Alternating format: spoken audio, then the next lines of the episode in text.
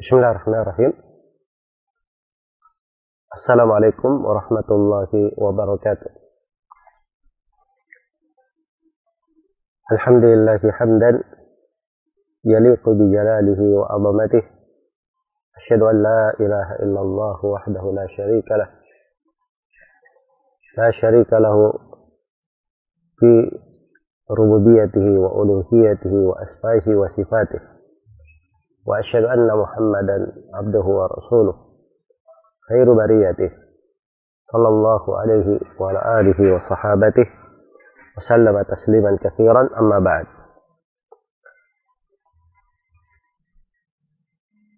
Alhamdulillah pada pagi hari ini di Jumat yang berberkah ini kembali kita di dalam tanya jawab online semoga Allah Subhanahu wa taala memberikan taufik dan inayahnya kepada kita semua dan membantu kita semua untuk berada di atas kelurusan, dan keteguhan terhadap seluruh prinsip agama.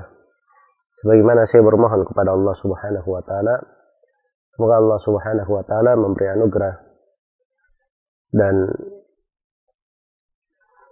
kebaikannya untuk kita semua serta memudahkan kita di dalam menuntut ilmu, memahami agama, merupakan pokok kebaikan di dalam kehidupan dunia ini. Innahu waliyu dalika wal qadiru alaih. Baik kita mulai pertemuan di pagi hari ini dengan pertanyaan dari YouTube. Bagaimana cara perempuan mengqadha salatnya yang pernah dia tinggalkan sewaktu dia ragu ketika masa nifasnya. Ketika dia ragu, ketika masa nifasnya, apakah sudah selesai atau belum? Jawabannya bahwa pertama dia harus pastikan di keraguan ini, ragu di masa nifas. Apakah nifasnya sudah selesai atau belum?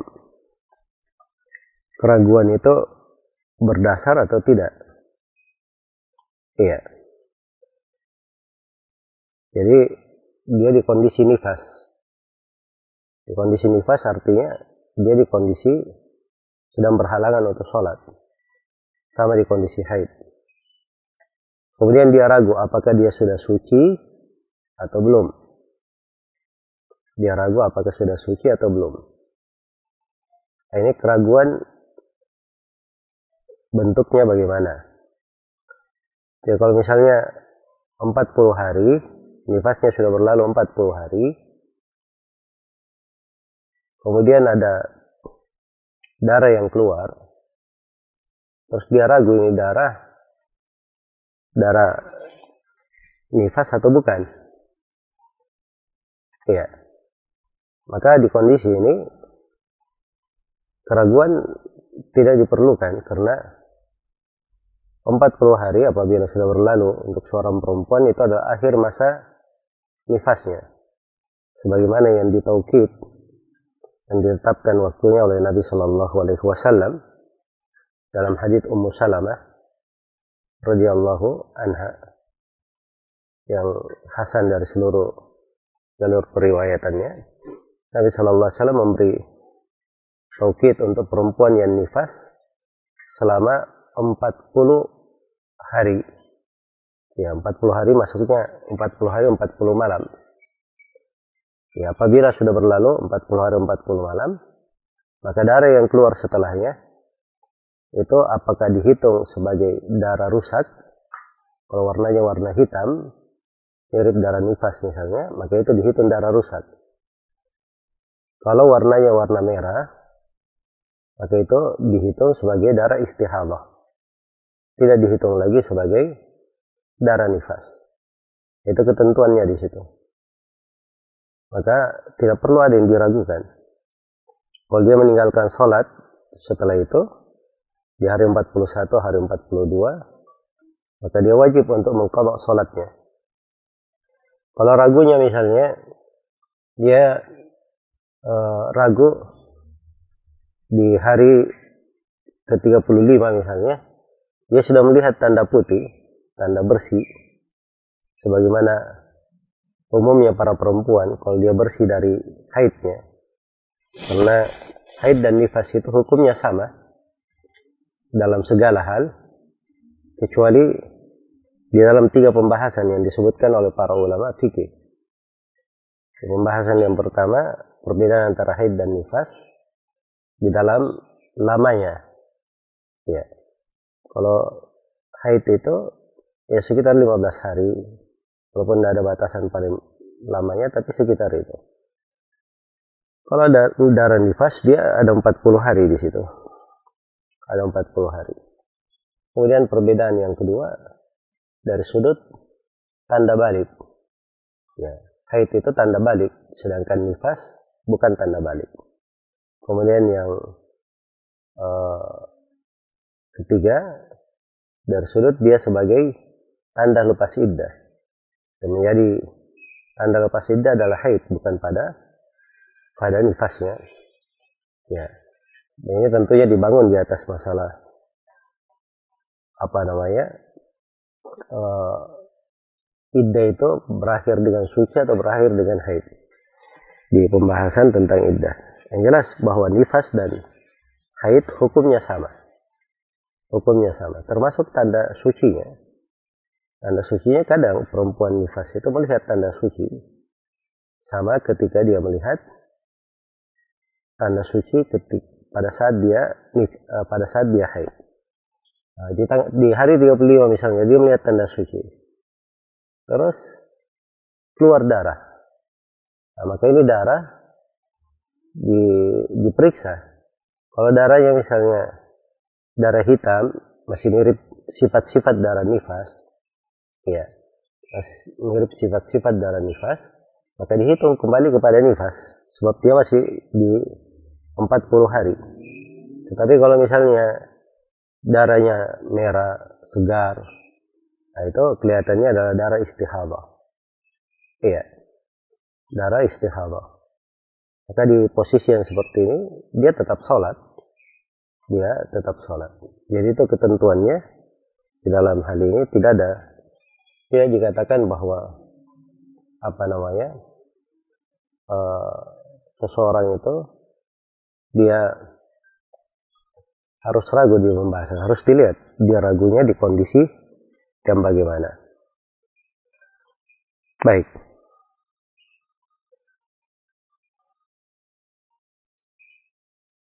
Kemudian di sini ada pertanyaan dari Facebook. Bagaimana kiat agar semangat dalam beribadah? Ya ini subhanallah semangat dalam ibadah itu itu adalah harapan setiap muslim dan muslimah di dalam kehidupannya. Dan adanya semangat di dalam ibadah itu adalah lentera untuk seseorang di dalam menerangi jalannya menuju kepada Allah Subhanahu wa taala. Menuju kepada Allah Subhanahu wa taala. Iya. Karena itu semangatnya terhadap ibadah memang betul. Itu hal yang sangat diperlukan. Dan di antara kiat di dalam hal tersebut supaya seorang itu bersemangat, yang pertama adalah dia mendalami apa makna ibadah. Bahwa ibadah itu adalah sebuah kewajiban atas dirinya dan dia memang diciptakan untuk beribadah. Sebagaimana firman Allah, "Wa ma khalaqatul jinna wal ins illa liya'budun." Tidaklah aku menciptakan jin dan manusia kecuali untuk beribadah kepadaku. Dan ibadah itu sendiri harus selalu ditegakkan dalam kehidupan hingga ajal datang menjemput. Allah Subhanahu wa taala berfirman, "Wa'bud rabbaka hatta ya'tiyakal yaqin." Beribadalah engkau kepada Rabbmu sampai kematian datang menjemputmu. Allah Subhanahu wa taala berfirman, "Ya ayyuhalladzina amanu taqullaha haqqa tuqatih wala tamutunna illa wa antum muslimun. Wahai orang-orang yang beriman bertakwalah kalian kepada Allah dengan sebenar-benar takwa. Dan jangan sekali-sekali kalian itu mati kecuali sebagai orang-orang yang berislam. Ibnu Mas'ud radhiyallahu taala anhu berkata haqqa taqati itu ayyudkar fala yunsa selalu dilakukan zikir kepadanya. Tidak pernah dilupakan. Wa yushkar fala selalu disyukuri. Tidak pernah dikufuri. Ya dan dia selalu dilakukan doa kepadanya tidak pernah ditinggalkan Kemudian dari kiat ibadah itu sendiri adalah seorang banyak berdoa kepada Allah supaya dibantu dalam beribadah. Karena itu Nabi mengajarkan doa yang dibaca selepas sholat, Allahumma a'inni ala dikrika wa syukrika wa husni ibadati. Allah bantulah saya supaya saya selalu bersyukur ya dan bersyukur kepadamu serta memperbaik ibadah hanya untukmu. Kemudian di antara kiat seorang itu semangat beribadah, dia selalu mengingat akan Rasulullah Sallallahu Alaihi Wasallam bagaimana ibadahnya. Dia perbaiki kecintanya kepada Allah dan Rasulnya. Sebab kalau kecintanya kepada Allah dan Rasulnya baik, maka pasti dia akan semangat. Orang yang cinta itu, dia rela berkorban apa saja untuk siapa yang dia cintai. Kemudian dia mengikuti jejak sahabat Rasulullah Sallallahu Alaihi Wasallam. Ya, karena orang yang cinta kepada satu kaum, dia mengikuti dari amalan mereka dan berusaha dan berusaha untuk berusaha untuk berada di atas jalan dan amalan mereka. Iya. Kemudian dia juga banyak bergaul dengan orang-orang yang salih. Wadkur wasbir nafsaka ma'al yad'una rabbahum bil ghadati wal ashi yuriduna wajha. Sabarkan diri engkau bersama orang-orang yang beribadah kepada Rabbnya pagi dan petang. Mereka menghendaki wajah Allah. Menghendaki wajah Allah. Baik.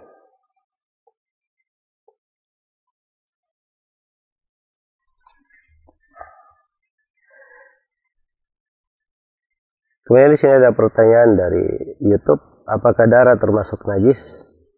Apakah membatalkan wudhu?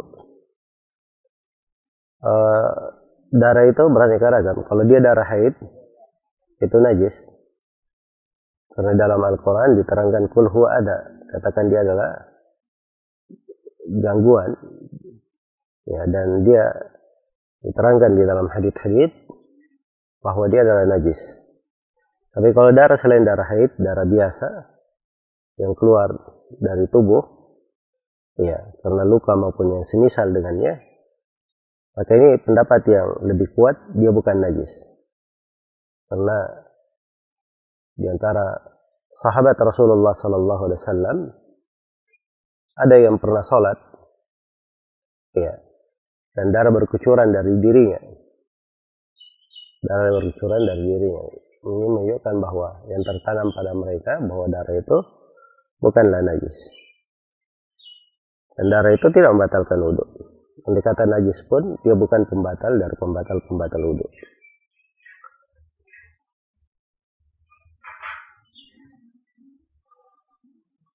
Baik, pertanyaan lain dari YouTube. Apa hukum bekerja di sebuah perusahaan dengan software bajakan.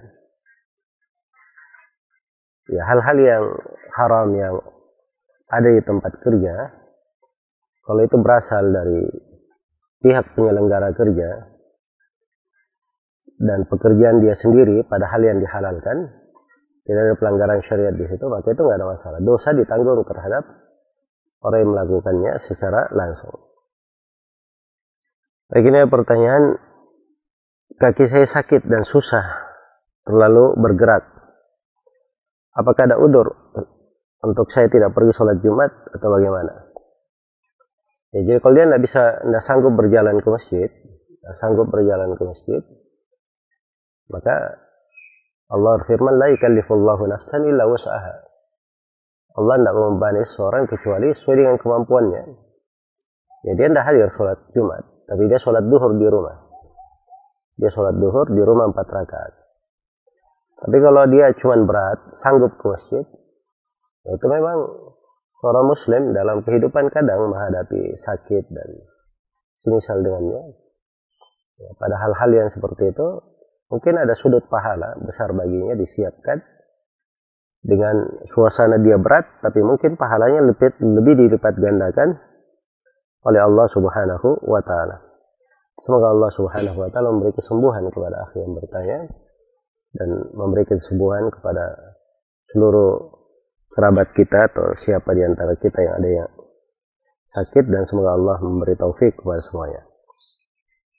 Saya mempunyai ketidaknormalan atau kekurangan secara fisik yang tertutup oleh aurat dan saya rasa hal tersebut mempengaruhi pasangan saya nantinya. Apakah sebelum menikah saya harus memberitahu terlebih dahulu akan hal itu ini namanya aib ya di dalam pembahasan nikah. Aib-aib itu kalau dia berpengaruh menjadi timbangan, ya memang harus diberitahu ya tentang suatu aib apabila itu terjadi. Ya, ada pada seseorang supaya dibangun di atas hal tersebut, dibangun riba, dibangun riba di dalam hal itu.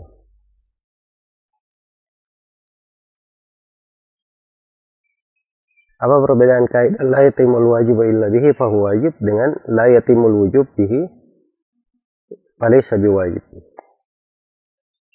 Ini pertama pertanyaan-pertanyaan seperti ini pertanyaan terkait dengan pembahasan agak detail di pembahasan ilmu. Ya. Dan saya juga tidak tahu yang bertanya ini dia di dalam hal tersebut apa kepentingannya untuk menanyakan mau digunakan untuk hal apa. Tapi kaidahnya adalah hal yang dimaklumi. Jadi suatu hal yang wajib, kalau dia tidak sempurna kecuali dengan itu, maka dia itu adalah wajib. Ya. Ya seorang misalnya, dia untuk ke masjid, dia untuk apa namanya, untuk melakukan sholat, untuk melakukan sholat dia harus beruduk. Kewajibannya bertahara. Ya, sedangkan dia tidak ada fasilitas untuk bertohara kecuali air yang dibeli. Maka itu bisa menjadi wajib dengannya. Adapun al-wujub, kalau misalnya pada harta itu ada zakat, atau harta itu pada zakatnya disyaratkan beberapa syarat. Di antara syaratnya mencapai nisab. Jadi, jangan seorang itu untuk mencapai kewajiban, dia memenuhi nisabnya. Dia mencari memenuhi nisabnya supaya dia menjadi wajib. Itu yang dimaksudkan la yatimul wujub bihi illa bihi falaysa biwajib. Ya. Karena dia pada dasarnya tidak belum sampai ke dalam derajat kewajiban. Kemudian ada perbedaan antara al-wujub dan al-wajib. Ya, al-wujub itu terkait dengan kitab syarat dan al-wajib itu terkait dengan hukum pada suatu masalah. Baik. Kemudian di Facebook di sini ada yang bertanya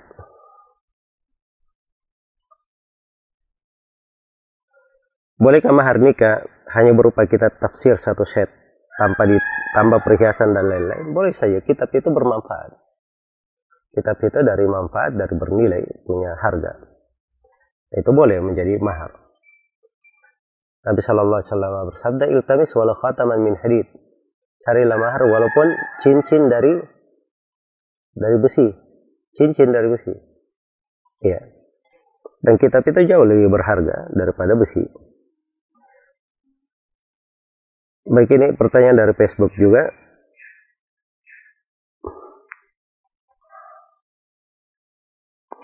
Bagaimana agar semangat melaksanakan sholat subuh? Tolong nasihat dan doa agar tetap istiqamah dalam sholat subuh. Ya semoga Allah Subhanahu wa taala memberi kemudahan untuk kita semua untuk istiqamah dalam hal itu. Sholat lima waktu itu ciri seorang muslim. Dan kehadiran dia sholat subuh itu ciri kemurnian Islamnya. Yang menunjukkan dia bukan seorang munafik. Sebab di masa Nabi itu yang meninggalkan sering bolong-bolong hadir sholat berjamaah di sholat subuh dan sholat asar di sholat subuh dan di sholat asar, di sholat isya juga, itu dianggap oleh mereka sebagai kaum munafikin. Iya. Maka untuk hadir sholat subuh, dia pelajari dari keutamaan sholat subuh itu. Kata Nabi Shallallahu Alaihi Wasallam, "Man shalla bardai bardaini dakal al jannah." Siapa yang sholat dua sholat yaitu sholat asar dan sholat subuh, maka dia akan masuk surga. Dan di antara sebab seorang melihat Allah pada hari kiamat, dikatakan oleh Nabi, فَإِذَا اسْتَطَعْتُمْ أَلَّا تُغْلَبُوا عَلَى صَلَاةٍ قَبْلَ طُلُوعِ الشَّمْسِ وَقَبْلَ غُرُوبِهَا فَفَعَلُوا kalau kalian mampu untuk tidak terkelahkan dari mengerjakan sholat sebelum matahari terbit dan sebelum matahari terbenam, hendaknya kalian lakukan. Itulah sholat subuh dan sholat asar. Iya. Dan banyak lagi dari keutamaan sholat subuh itu dari keutamaan sholat subuh.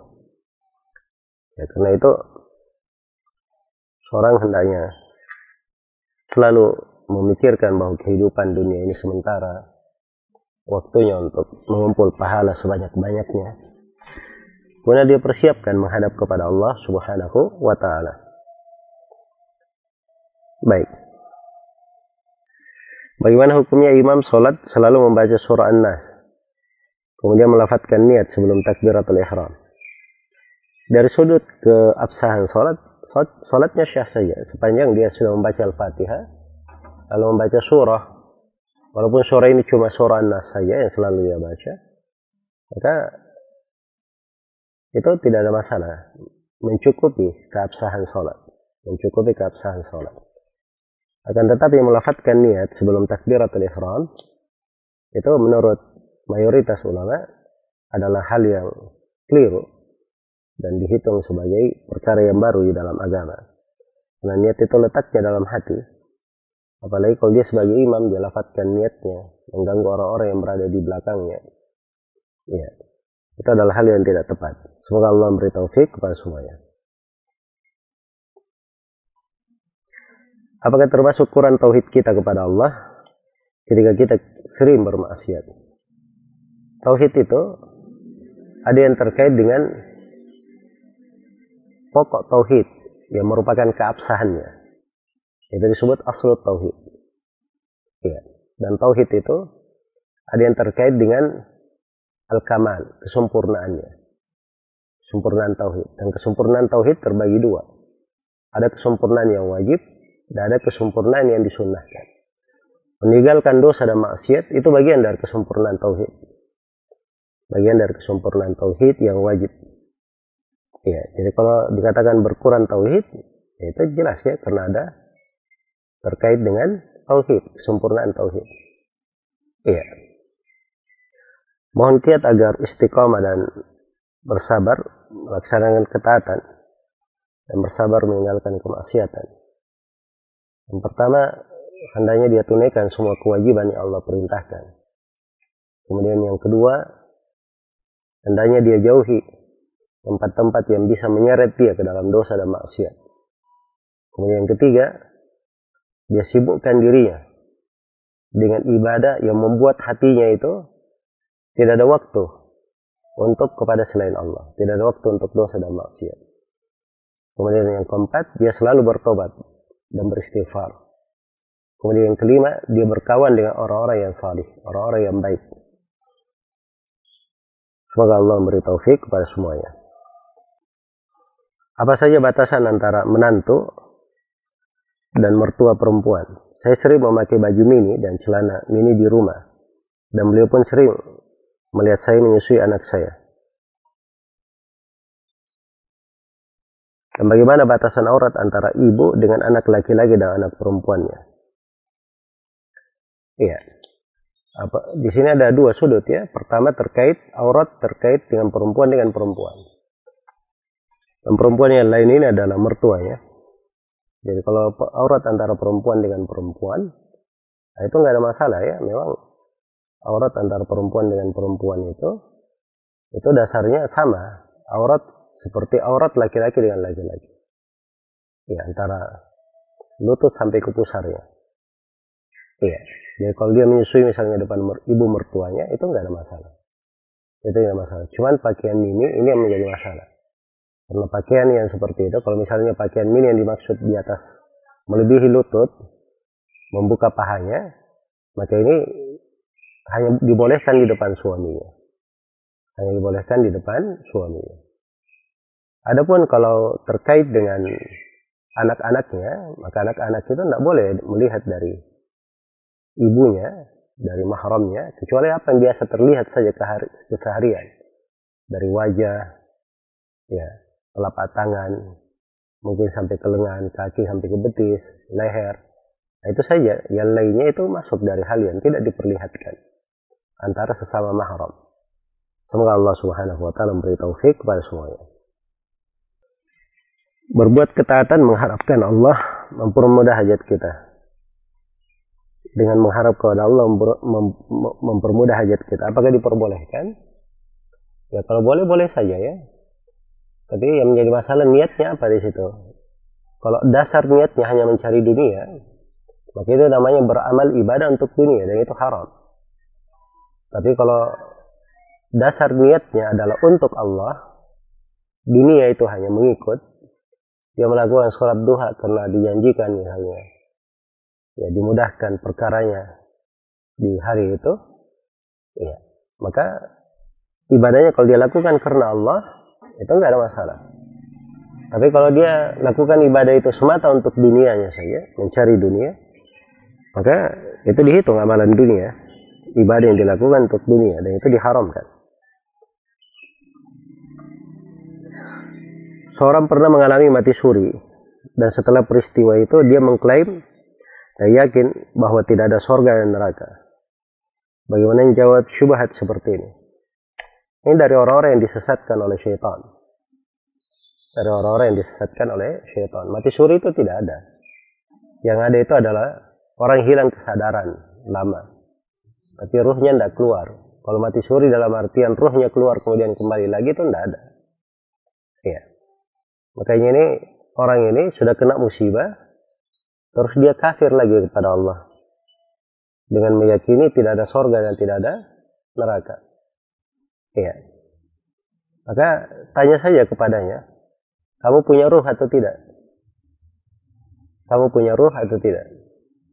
Maka dia akan menjawab, saya punya ruh. Sebab kalau dia bilang tidak punya ruh, berarti dia sudah mati. Terus tanya kepadanya, ruh itu kamu lihat atau tidak? Kamu bisa ceritakan tentang ruhmu. Dia menganggap dirinya mati suri. Dia pernah lihat ruhnya? Ya, dia tidak akan bisa bercerita. Karena tidak ada orang yang tahu tentang ruh itu. Ya. Dan manusia itu tidak ada yang diberi ilmu kecuali sedikit. Yas'alunaka ruh kulir ruh min amri rabbi wa ma utitum minal ilmi illa qalila. Mereka bertanya pada kalian tentang ruh, katakanlah, ruh itu dari perkara Rabbku. Dan kalian tidak diberi ilmu tentang itu kecuali sedikit. Iya.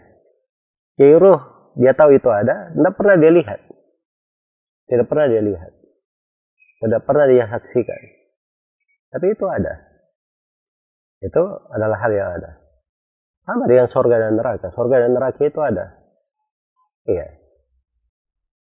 Dan itu adalah hal-hal yang apa namanya diyakini oleh setiap muslim dan muslimah.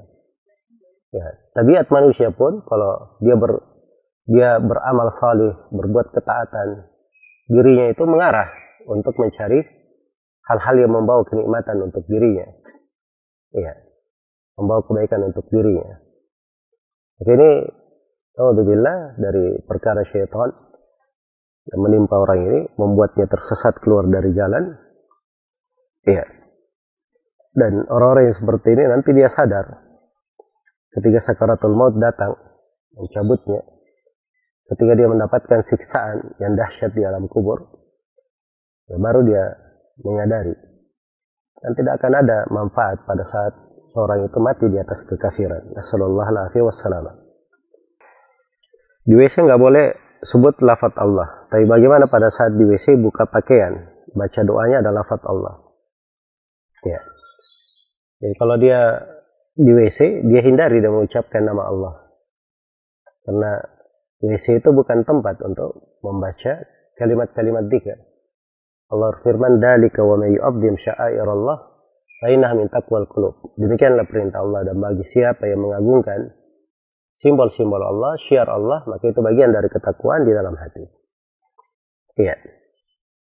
Makanya kalau dia ingin buka baju dalam WC, dia dari luar sudah baca doanya, kemudian dia buka baju di dalam. Baik.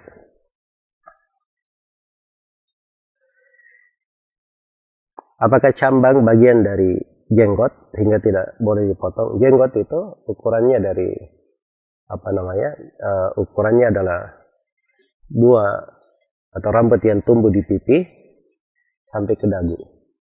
Iya. Itu disebut jenggot.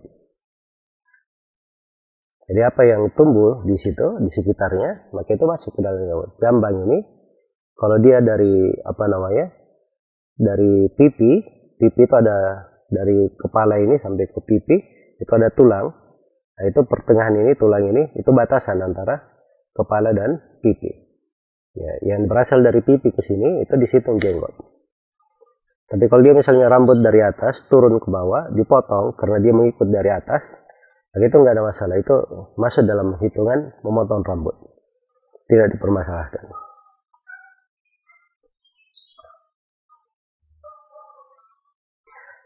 Apakah boleh imam sholat membaca surah pendek dalam satu rakaat? Setelah Al-Fatihah, lebih dari tiga surah.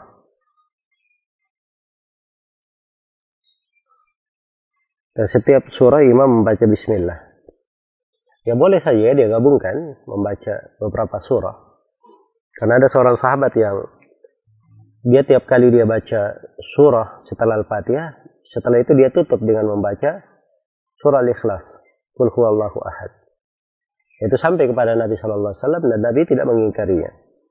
Nabi tidak mengingkarinya.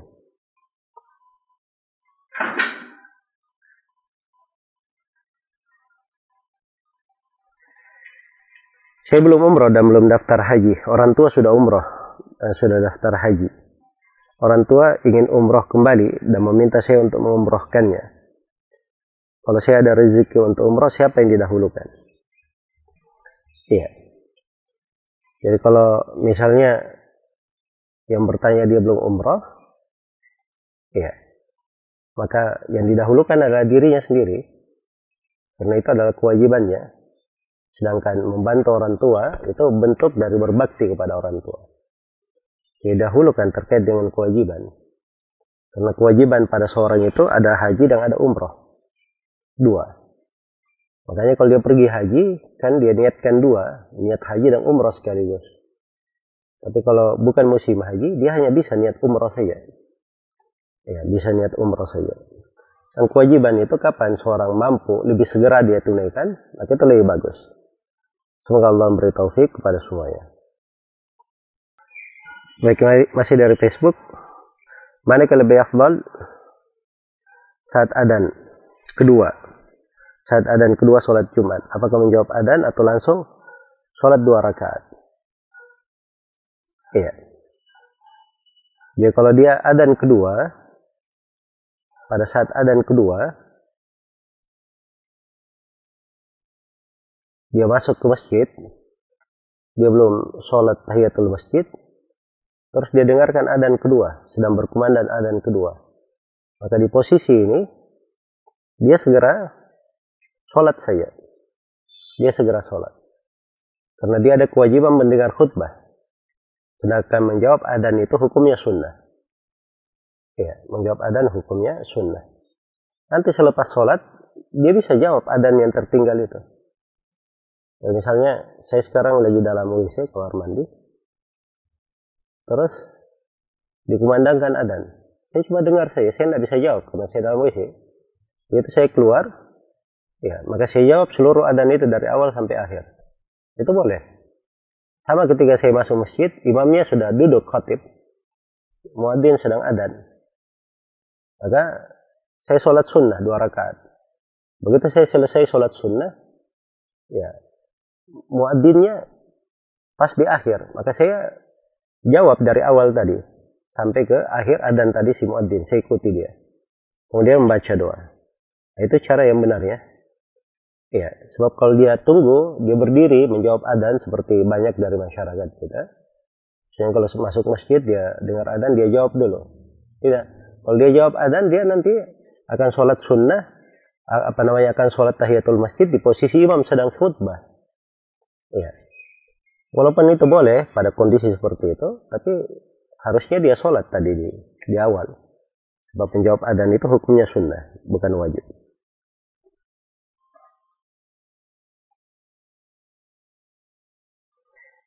Bagaimana kalau di pertengahan sholat tiba-tiba batuk?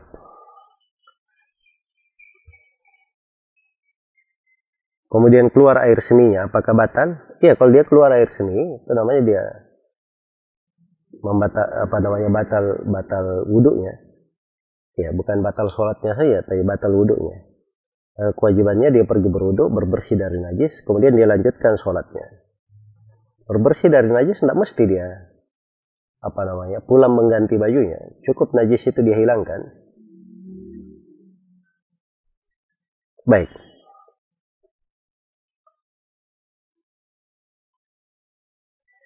Benarkah sholat jenazah tidak ada angkat tangan pada takbir kedua hingga selesai? Itu salah satu pendapat di tengah para ulama. Itu ada dua pendapat. Cuma saya nasihatkan kalau misalnya seorang itu sholat di tengah masyarakat, ya mereka semuanya mengangkat tangan, dia ikut mengangkat tangan bersama mereka. Karena ini dari hal-hal yang ada sudut-sudut silam pendapat dan bukan hal yang cocok kita memaksakan pendapat di dalam hal itu. Semoga Allah memberi taufik kepada semuanya. Saya memilih pendapat menggerakkan telunjuk ketika tasyahud. Bagaimana cara menggerakkan jari telunjuk yang benar ketika tasyahud? Ya. ya kalau memilih pendapat ini walaupun di atas hadith yang lemah, misalnya dia ikut pendapat Syekh Al-Bani, ya silahkan saja. Jadi kalau seperti itu, maka dia ketika menunjuk, dia gerakkan, maka dia gerakkan sedikit saja supaya arah jarinya itu tetap menghadap ke kiblat. Karena di syah di dalam hadith bahwa Nabi itu arah jarinya menghadap ke ke kiblat. Jadi kalau dia gerakkan terlalu tinggi begini, ini namanya naik turun. Yang menunjuk ke tanah dan ke, ke langit namanya. Tapi kalau dia gerakkan sedikit, nah ini tetap mengarah ke kiblat. Tetap mengarah ke kiblat namanya. Baik. Bagaimana cara membayar utang puasa Ramadan yang pernah kita tinggalkan? Semenjak akil balik, sedang berapa banyaknya puasa yang batal sudah kita tidak ketahui. Ya sebenarnya bukan tidak kita ketahui, bisa dijumlah, bisa dihitung itu. Ya dia akil itu balik itu umur berapa tahun? Dia bisa tahu saya umur misalnya 13 tahun. Baik, sekarang umurnya berapa tahun? Ya, umur sekarang umur saya sekarang 30 tahun. Ya baik. Berarti sudah 17 tahun dia ada kewajiban berpuasa. Dia meninggalkannya kapan? Ya semenjak 17 tahun saya tinggalkan. Berapa lama? Bolong-bolong. Jadi perkirakan saja. Kalau nggak bisa diperkirakan, dihitung 30 setiap hari, setiap tiap tahunnya. Itu pasti tidak ada yang luput 30. Ya, karena puasa Ramadan itu paling banyak 30 hari. Kan begitu. Maka dia perkirakan. Dan seorang di dalam kewajiban itu, dia berusaha melakukan yang terbaik. Semoga Allah memberi taufik kepada semuanya.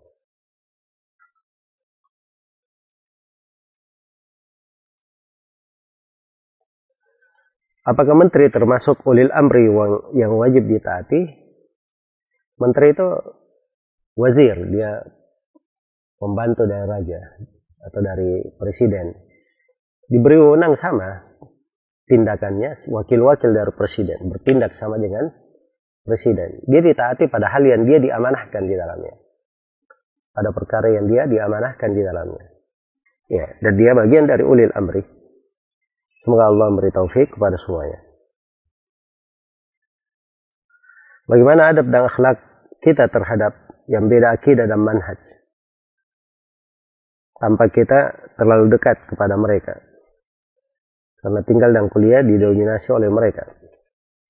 Ini menjadi masalah ya, karena seorang muslim itu dan muslimah itu dituntut untuk menjaga kemurnian agamanya, pelurusan akidahnya.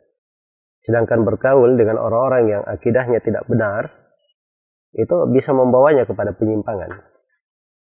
Bisa membawanya kepada apa? Penyimpangan. Iya. Karena itulah orang yang tertimpa hal yang seperti ini yang pertama, dia pelajari akidah ahli sunnah dengan sebaik mungkin. Dan dia pelajari akidah salah dengan seluruh mungkin. Kemudian yang kedua, dia banyak mengajak manusia untuk hal itu. Kemudian yang ketiga, jangan dia banyak mendengar syubhat-syubhat. Ya. Agar supaya dia istiqomah di atas jalan. Semoga Allah memberi taufik kepada semuanya. Ketika atasan kerja menyuruh memotong jenggot, apakah harus ditaati? Ya, seorang kerja itu bisa kerja di mana saja. Potong jenggot itu maksiat, dosa dan maksiat. Iya. Anda boleh taat kepada makhluk pada hal yang merupakan maksiat. Kecuali kalau misalnya dia berada di suatu tempat yang dia tidak bisa luput dari hal itu. Iya. Misalnya dia seorang aparat keamanan misalnya, dan itu diperlukan oleh negara dan dia sudah terlanjur di situ misalnya ya. Dan dia juga tidak bisa pindah. Nah itu dikatakan darurat namanya. Dan darurat dia dipaksa untuk itu. Baik. Tapi kalau dasarnya dia bisa cari tempat kerja yang bagus ada hal yang membantunya untuk taat kepada Allah maka itu yang seharusnya yang dia lakukan. Letak sedekap saat sholat di atas dada mendekati leher apakah itu termasuk berlebihan. Ya kalau seorang meletakkan tangannya begini di atas dadanya ini berlebihan ya. Kalau dekati leher itu berlebihan namanya.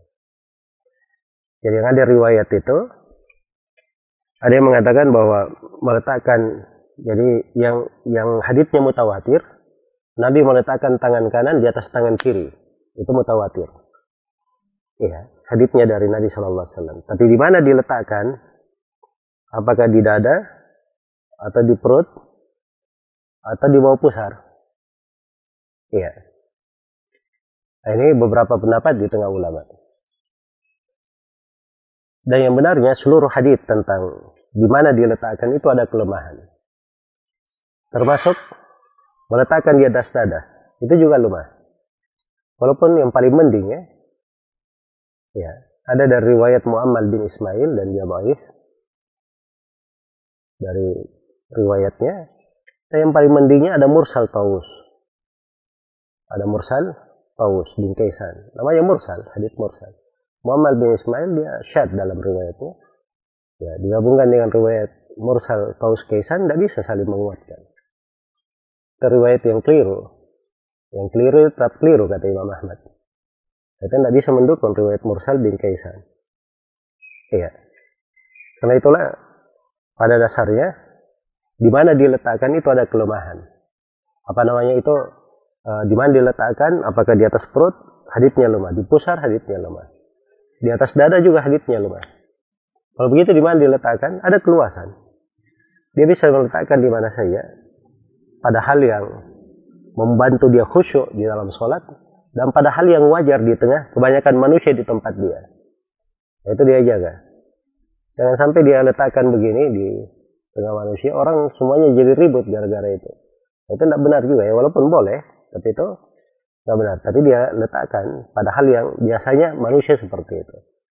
Wajar di tengah manusia. Baik. Jadi mengatakan bahwa haditsnya semuanya lemah, itu ada beberapa ulama di masa sekarang. Di antaranya guru kami, Syekh Mukbil, rahimahullahu taala. Ya, dan saya baca seluruh riwayat-riwayat terkait dengan pembahasan ini dan saya lebih condong kepada pendapat uh, para ulama yang melemahkan seluruh riwayat tersebut. Maka kesimpulannya itu ada keluasan. Mau diletakkan di dada boleh, mau di perut boleh. Sebab itu yang biasanya kalau dia turun sedikit juga tidak ada masalah. Diperbolehkan. Tapi kalau dia terlalu mengangkat ke atas sampai ke lehernya, nah ini kayak bentuk berlebihan ya. Ya Allah musta'an. Semoga Allah memberi taufik kepada semuanya. Ustadz mohon penjelasannya tentang dukhan yang merupakan tanda-tanda hari kiamat. Karena sebagian kami dari penuntut ilmu kebingungan dengan ceramah Ustadz Fulan yang mengatakan tanda-tanda hari kiamat dengan dalil-dalil yang cukup jelas. Iya. Dengan dalil-dalil yang cukup jelas. Nah, ini perlu diketahui ya bahwa memang banyak orang-orang yang berbicara di belakangan ini tentang tanda-tanda hari kiamat, tanda-tanda akhir zaman. Ya, dan ini yang saya sebut sebagai ustadz-ustadz akhir zaman. Ya, ustadz-ustadz akhir zaman benaran karena banyak membawa fitnah. Berbicara sembarangan. Berbicara sembarangan dan tidak dibangun di atas dasar ilmu. Ya. Ad-dukhan itu itu memang kalau diterjemahkan asap ya. Itu ada satu surah di dalam Al-Qur'an disebut dengan nama surah Ad-Dukhan. Iya. Jadi kalau dibaca surahnya, itu perhatikan teksnya. Dikatakan di dalam Al-Quran, Partaki yawma ta'ti sama'u bidukhanin mubin. Ya, tunggulah. Partakib. Jadi suruh nunggu. Nah, itu berarti di masa Nabi belum terjadi.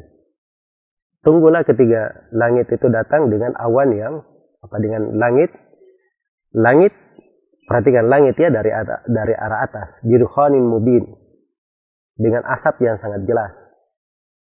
Ya, jadi mana-mana dilihat langit itu penuh dengan asap.